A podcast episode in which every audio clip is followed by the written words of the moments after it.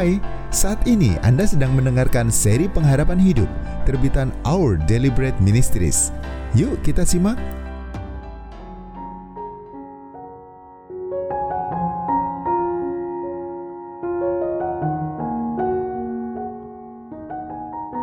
Pasca bencana, menanggapi musibah secara alkitabiah. Ketika suatu kota atau bangsa mengalami bencana, orang Kristen perlu berpaling pada Alkitab sebagai sumber kekuatan dan pimpinan. Dengan kasih Kristus, kita juga perlu menjangkau orang-orang yang sedang menderita. Alkitab berkata, "Ada waktu untuk menangis, ada waktu untuk tertawa, ada waktu untuk meratap, ada waktu untuk menari." Pengkhotbah 3 ayat 4 Tentulah masa setelah terjadinya bencana adalah waktu yang tepat untuk menangis dan meratap. Ada bagian-bagian penting dalam Alkitab yang disebut sebagai ratapan, yaitu ketika orang-orang yang beriman kepada Allah berduka cita atas apa yang mereka alami dan bertanya, mengapa Allah mengizinkan hal-hal tersebut terjadi atas mereka? Ada ratapan yang diserukan oleh orang yang sedang menderita. Ratapan lainnya diserukan oleh orang-orang yang mengasihi dan meratapi penderitaan bangsanya. Ada kitab dalam Alkitab yaitu ratapan yang seluruh isinya adalah ratapan atas penderitaan-penderitaan yang dialami suatu bangsa. Dalam Alkitab, kita menemukan beberapa cara yang digunakan orang untuk mengungkapkan rasa duka yang mereka alami, antara lain berpuasa dan memakai kain kabung, dan berguling dalam abu. Kita perlu menemukan cara-cara untuk mengungkapkan rasa duka yang sesuai dengan kebudayaan kita sendiri. Waktu untuk bertanya, "Mengapa?" Bergumul dengan kedaulatan Allah Mempertanyakan mengapa hal yang buruk dapat terjadi merupakan satu aspek dari ratapan yang alkitabiah. Alkitab mendorong kita untuk menggumulkan pertanyaan ini dengan memberi teladan dari umat Allah yang punya sikap demikian. Seperti Ayub, Yeremia, dan para pemazmur. Umumnya, di akhir masa pergumulan, umat Allah meyakini bahwa karena Allah berdaulat dan mengetahui apa yang terjadi. Sikap tetap mempercayainya adalah sikap yang sangat bijaksana. Percaya pada kedaulatan Allah di masa terjadinya musibah akan menolong kita terhindar dari sikap putus asa di tengah pergumulan. Kita perlu bersandar pada janji Allah bahwa di balik musibah terburuk sekalipun, dia akan mendatangkan sesuatu yang baik bagi mereka yang mengasihinya. Roma 8 ayat 28 Berdoa dan merenungkan firman-Nya sangatlah menolong di saat-saat seperti ini. Meski kita mungkin sibuk berjuang memulihkan diri dari bencana atau melayani mereka yang terkena dampak bencana. Akan tetapi, kita harus tetap menyediakan waktu bersama Allah dan firman-Nya. Itulah alasannya mengapa umat Allah harus beribadah kepadanya bersama dalam jemaat, seberapapun parahnya situasi yang sedang dihadapi. Ketika kita beribadah bersama-sama, kita memusatkan perhatian kepada hal-hal yang kekal, yang mengingatkan kita tentang kedaulatan Allah Menyadari kebenaran ini akan menolong kita menghalau kesuraman yang melanda dan memberi kita kekuatan untuk percaya bahwa Allah akan terus memelihara kita. Setelah menerima penghiburan dari Allah dan firman-Nya, kita pun akan memiliki kekuatan untuk siap berkorban dalam melayani mereka yang sedang menderita. Kita harus ingat bahwa setelah Adam dan Hawa berdosa dengan melawan Allah, dosa masuk ke dalam dunia dan alam semesta kehilangan keseimbangannya. Alkitab menggambarkan bahwa seluruh ciptaan berada di bawah kutub. Oleh karena itu, bencana alam akan terus terjadi sampai Allah menjadikan langit dan bumi yang baru. Paulus mengatakan bahwa sampai sekarang segala makhluk sama-sama mengeluh dan sama-sama merasa sakit bersalin. Mengeluh yang dimaksud di sini adalah mengekspresikan kesedihan dan tidak memendam semuanya sendiri. Wanita mampu bertahan terhadap rasa sakit bersalin yang luar biasa itu karena mereka menantikan saat yang penuh sukacita ketika mereka melahirkan sang anak. Demikian juga, kita dapat bertahan terhadap penderitaan karena kita tahu bahwa kelepasan yang kekal dan abadi di surga pasti akan tiba. Mengeluh juga menghapus kepahitan atas penderitaan yang kita alami. Kita perlu belajar mengeluh di hadapan Allah dan umatnya dan tidak menyembunyikannya sendiri. Dengan mengungkapkan penderitaan dan melepaskan tekanan yang telah terbangun dari pengalaman kita yang menyakitkan, maka benih-benih kepahitan akan sulit bertumbuh.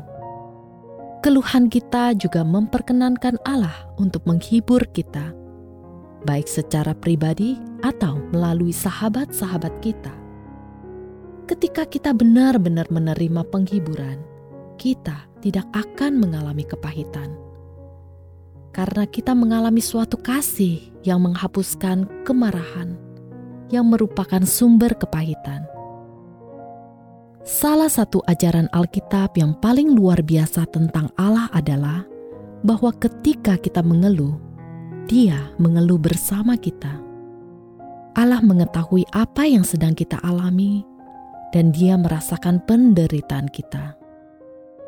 Alkitab berkata bahwa ketika Israel dalam kesesakan, dia juga merasakannya. Bahkan Allah meratapi dan berduka atas umat yang tidak mengenalnya. Betapa berbedanya ini dari pendapat umum yang menyatakan bahwa Allah itu jauh dan tidak peduli pada keadaan yang ada. Tangisan Allah memberi kita alasan yang kuat untuk tidak menahan tangisan kita. Namun, yang lebih penting, ketika kita menyadari bahwa Allah mengeluh bersama kita, sulit bagi kita untuk menjadi marah kepadanya atas apa yang menimpa kita. Hal ini juga memudahkan kita untuk datang kepadanya dan mendapatkan penghiburan darinya ketika kita ada dalam kebingungan. Apakah ini suatu hukuman? Pertanyaan yang sering kali ditanyakan adalah, apakah bencana-bencana yang mengerikan seperti tsunami atau letusan gunung berapi merupakan hukuman dari Allah? Sejumlah orang bahkan meyakini betul bahwa bencana-bencana ini merupakan tindakan Allah yang menghukum orang berdosa. Namun, keyakinan seperti ini amatlah diragukan kebenarannya ketika kita menyadari bahwa ribuan orang Kristen yang baik juga terkena dampaknya bersama warga lainnya di negara-negara yang mengalami bencana. Ketika Yesus datang ke dunia, dia mengalami penderitaan yang sama dengan apa yang dialami oleh setiap orang. Inilah aspek utama bagaimana dia menjadikan dirinya sama dengan umat manusia. Demikian pula kita yang mengikuti Yesus juga dipanggil untuk menderita bersama dengan orang-orang yang ada dalam penderitaan. Merupakan suatu hak istimewa bagi umat Kristen untuk dapat berada di antara mereka yang menderita akibat bencana besar. Kita harus bersatu dengan para korban di dalam duka mereka.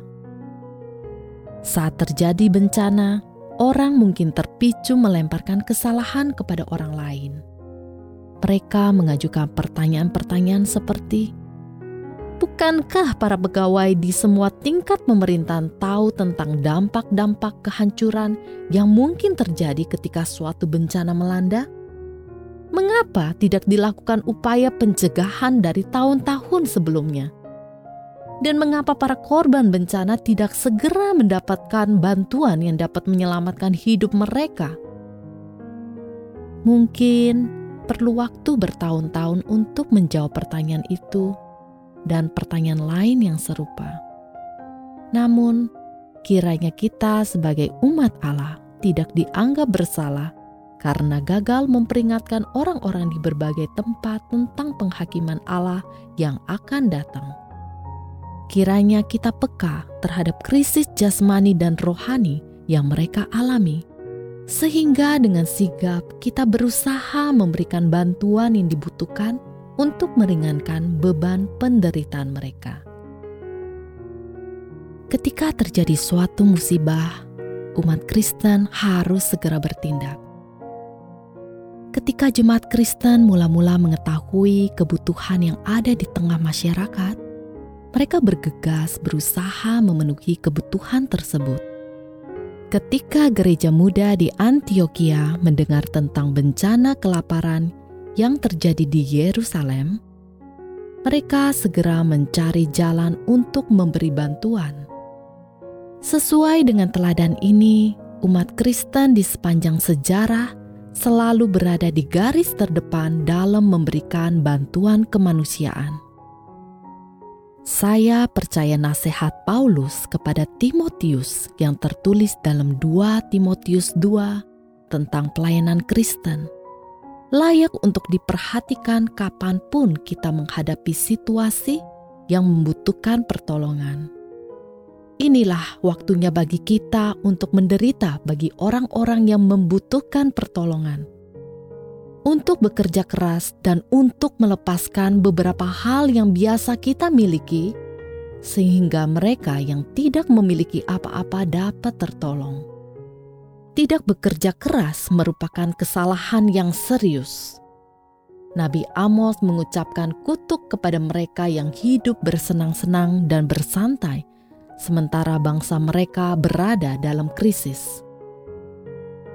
Suatu hari kita akan melihat bahwa semua pengorbanan diri yang kita lakukan memang layak diperbuat. Inilah sebabnya kita tidak perlu kecewa ketika orang lain menerima penghargaan atas apa yang kita lakukan. Inilah sebabnya kita seharusnya bersedia melakukan hal-hal yang tampaknya tidak mendatangkan penghargaan apa pun bagi kita di dunia ini. Tak ada pekerjaan yang terlampau kecil bagi kita, karena Allah akan memberi kita kekuatan untuk menjadi hambanya. Bencana merupakan kesempatan untuk menunjukkan kasih Kristen. Hal paling dahsyat yang dapat dilakukan orang Kristen adalah berdoa. Menurut Paulus, doa syafaat yang berhasil merupakan hasil kerja keras. Di masa Perjanjian Lama, ketika bangsa Israel menghadapi krisis, para pemimpin yang saleh mengajak bangsa itu untuk berdoa dan sering kali juga berpuasa. Betapapun sibuknya kita, doa perorangan dan doa bersama seharusnya menjadi aspek penting dalam upaya kita memberi bantuan kemanusiaan. Keistimewaan doa ialah bahwa doa dapat dilakukan oleh setiap orang Kristen, muda dan tua, yang masih aktif maupun yang terbaring sakit. Ketika terjadi krisis nasional maupun lokal, para pemimpin Kristen harus memanggil umatnya untuk berdoa dan berpuasa secara khusus. Di bawah ini beberapa hal yang perlu kita doakan. Yang pertama, kita berdoa supaya anugerah Allah tercurah bagi mereka yang mengalami kehilangan, baik orang-orang yang dikasihi maupun harta bendanya. Kedua, supaya mereka yang mengalami trauma yang dalam dapat dilayani, dan mereka yang kehilangan rumah dapat menemukan solusi bagi masalah tempat tinggal mereka. Ketiga, supaya mereka yang berada di tempat-tempat pengungsian dapat tercukupi kebutuhannya, dan supaya kaum yang mudah diserang, yaitu wanita dan anak-anak, mendapat perlindungan. Keempat, supaya orang-orang Kristen dapat bangkit dan bersedia memberi diri terlibat dalam pelayanan yang efektif. Kelima, supaya gereja dibangkitkan untuk membawa kemuliaan bagi Allah melalui tindakan dan kesaksian kita bagi Kristus. Keenam, supaya Allah memandu setiap kita tentang bagaimana kita dapat terlibat dalam proses pemulihan. Ketujuh, supaya ada persediaan dana yang mencukupi bagi tugas besar untuk memulihkan daerah yang terkena bencana. Kedelapan, supaya melalui tragedi ini dunia dapat melihat kasih Kristus yang diwujud nyatakan oleh para pengikutnya bagi mereka yang membutuhkan. Kesembilan, supaya kemuliaan Allah dapat bersinar melalui bangsa itu, lebih dari yang telah dialami sebelumnya, hingga akibatnya orang-orang akan mencari Allah dan menemukan keselamatan darinya. Ketika Agabus bernubuat kepada gereja di Antioquia tentang bahaya kelaparan yang sedang melanda Yerusalem. Gereja muda ini segera mengumpulkan persembahan dan mengirimnya ke Yerusalem. Selanjutnya, Paulus mengatur pendanaan dengan mengumpulkan uang dari sejumlah gereja di luar wilayah Israel untuk mencukupi kebutuhan dari gereja Yerusalem. Selama masa-masa terjadinya bencana, umat Allah telah memberikan sebagian dari harta mereka demi menolong orang-orang yang menderita.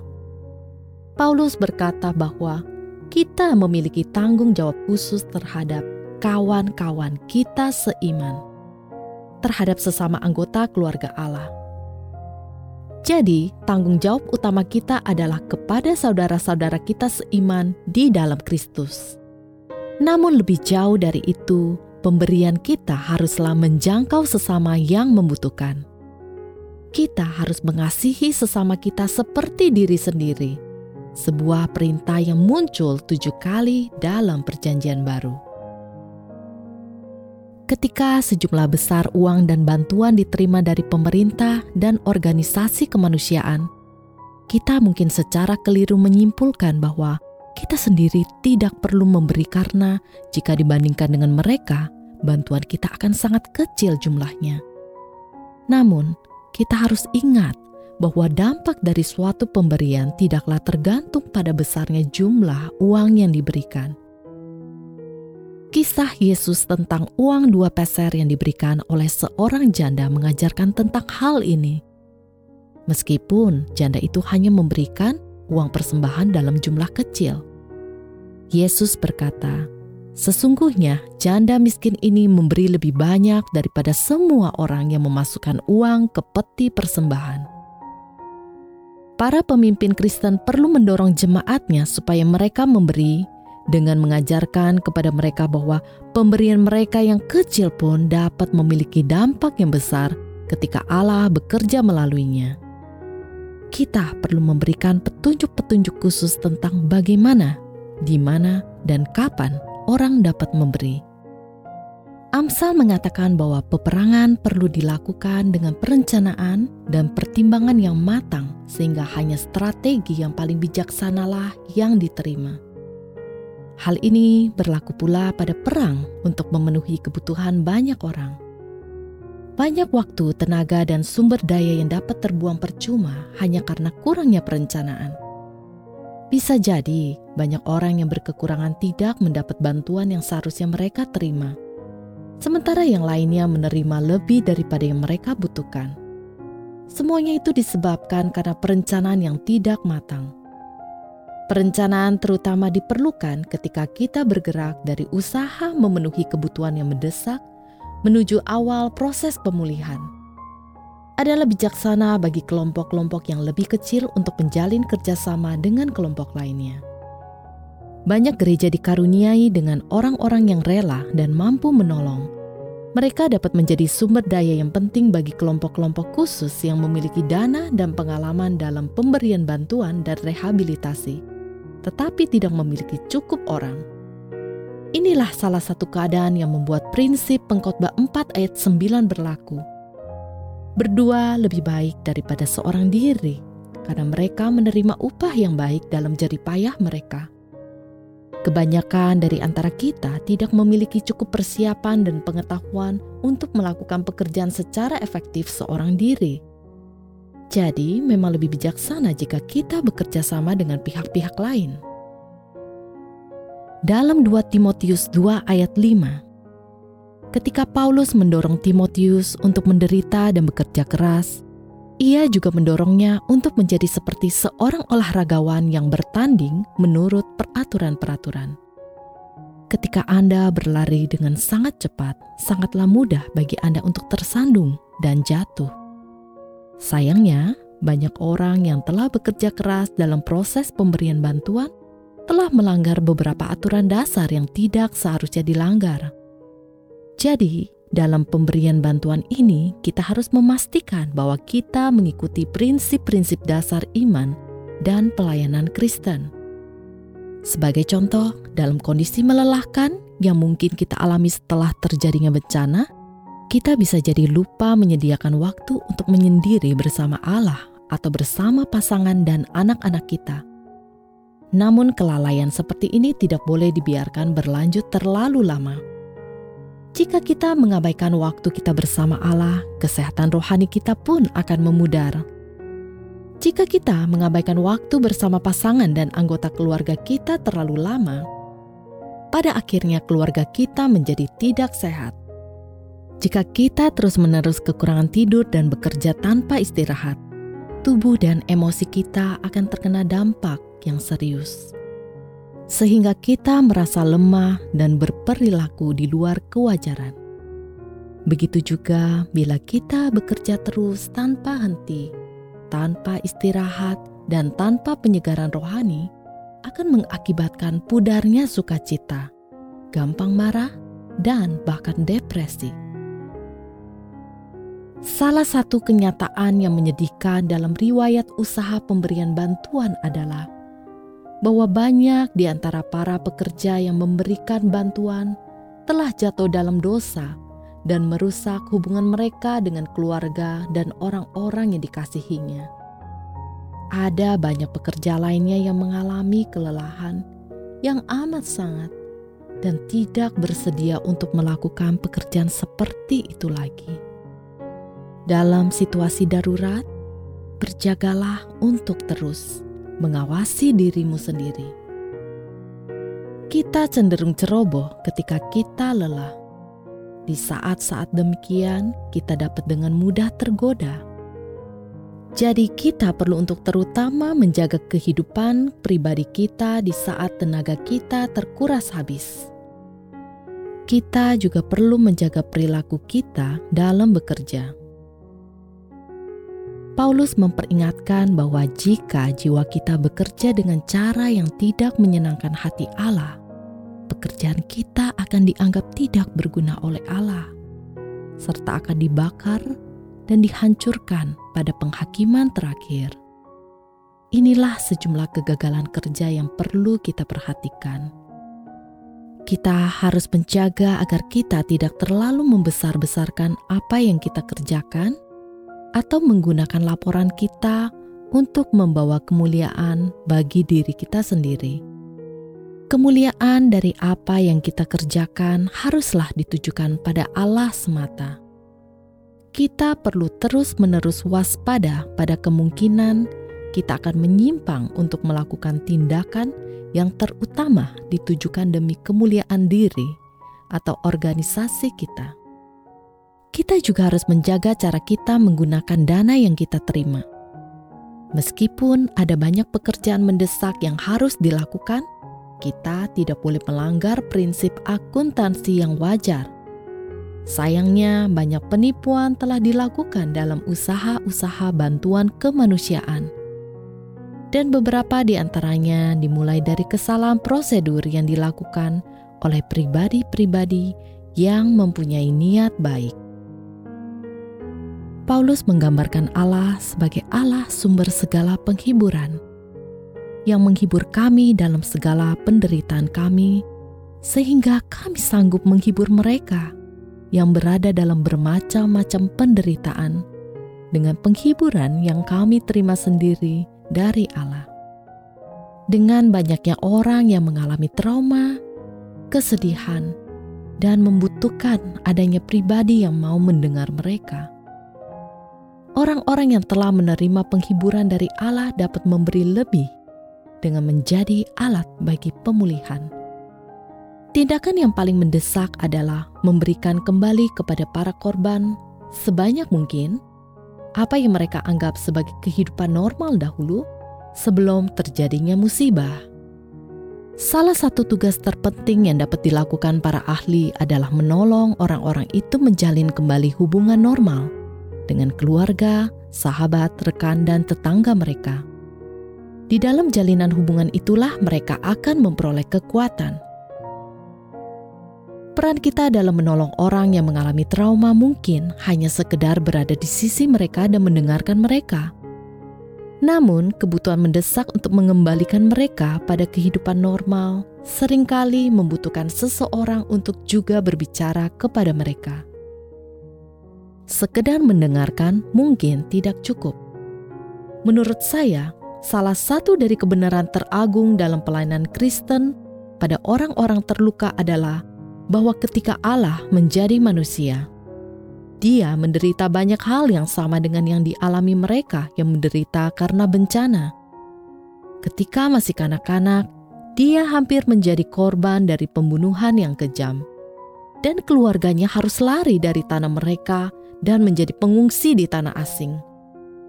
Dia datang untuk menolong manusia, tetapi mereka menolaknya. Ayahnya kemungkinan meninggal ketika dia masih muda dan meninggalkan setidaknya empat adik laki-laki dan sejumlah adik perempuan yang perlu diberi nafkah. Yesus juga mengetahui bagaimana menderitanya diadili dan dihukum secara tidak adil, serta dijatuhi hukuman selayaknya seorang penjahat. Dengan salah satu cara hukuman terkejam yang pernah diciptakan manusia, yaitu penyalipan, Yesus telah terlebih dulu mengalami penderitaan yang kita alami. Dia benar-benar Allah yang memahami segala penderitaan manusia. Kebutuhan terbesar manusia adalah memiliki hubungan dengan Allah, sumber segala penghiburan. Di tengah kesibukan kita dalam memberi bantuan, kita tidak boleh kehilangan pandangan tentang kebutuhan manusia yang paling mendasar yakni menerima keselamatan dari Allah. Meskipun demikian, kita harus mengingat bahwa Allah tidak pernah memanipulasi orang untuk menerima pesannya. Ia berbicara dengan manusia mengenai jalan keselamatannya. Oleh karena itu, kita harus berjaga-jaga untuk memastikan bahwa orang-orang tidak menerima Kristus hanya karena mereka menerima bantuan dari orang Kristen mereka seharusnya menerima Dia karena mereka percaya dalam hati dan pikiran mereka bahwa melalui Yesus, Allah telah menyediakan jawaban bagi kebutuhan mereka yang terdalam. Masa-masa bencana membuka kesempatan unik bagi kita untuk mewujud nyatakan iman Kristen kita. Ketika suara bencana melanda, orang Kristen seharusnya bertanya, apa yang seharusnya saya pikirkan saat ini, dan bagaimana seharusnya saya menanggapi krisis ini menurut iman Kristen. Tuhan Yesus memberkati. Terima kasih ya karena Anda sudah mendengarkan seri pengharapan hidup ini. Untuk mendapatkan materi-materi dengan judul-judul lainnya secara online, silakan kunjungi website santapanrohani.org garis miring SPH. Tuhan memberkati.